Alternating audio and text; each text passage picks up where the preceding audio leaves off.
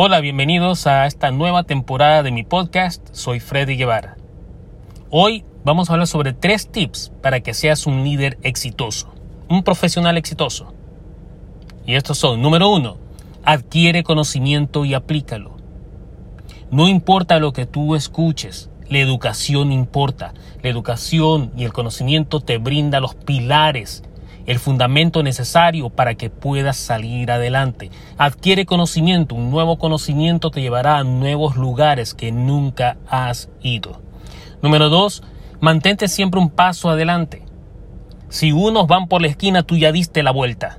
Es importante que te mantengas siempre un paso adelante de tu competencia, siempre adelantado a los acontecimientos, eso te va a dar una ventaja competitiva envidiable.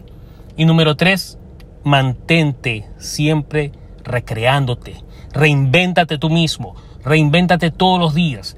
Incluso si es que el mundo se paraliza, mantente recreándote tú mismo, mantente cambiando, reinvéntate, mejórate. Siempre hay una versión mejor de la que puedes llegar a ser. Si te gustaron estos tips y otro tema de liderazgo y negocios, sígueme en mis redes sociales y te espero aquí en mi podcast. Hasta pronto.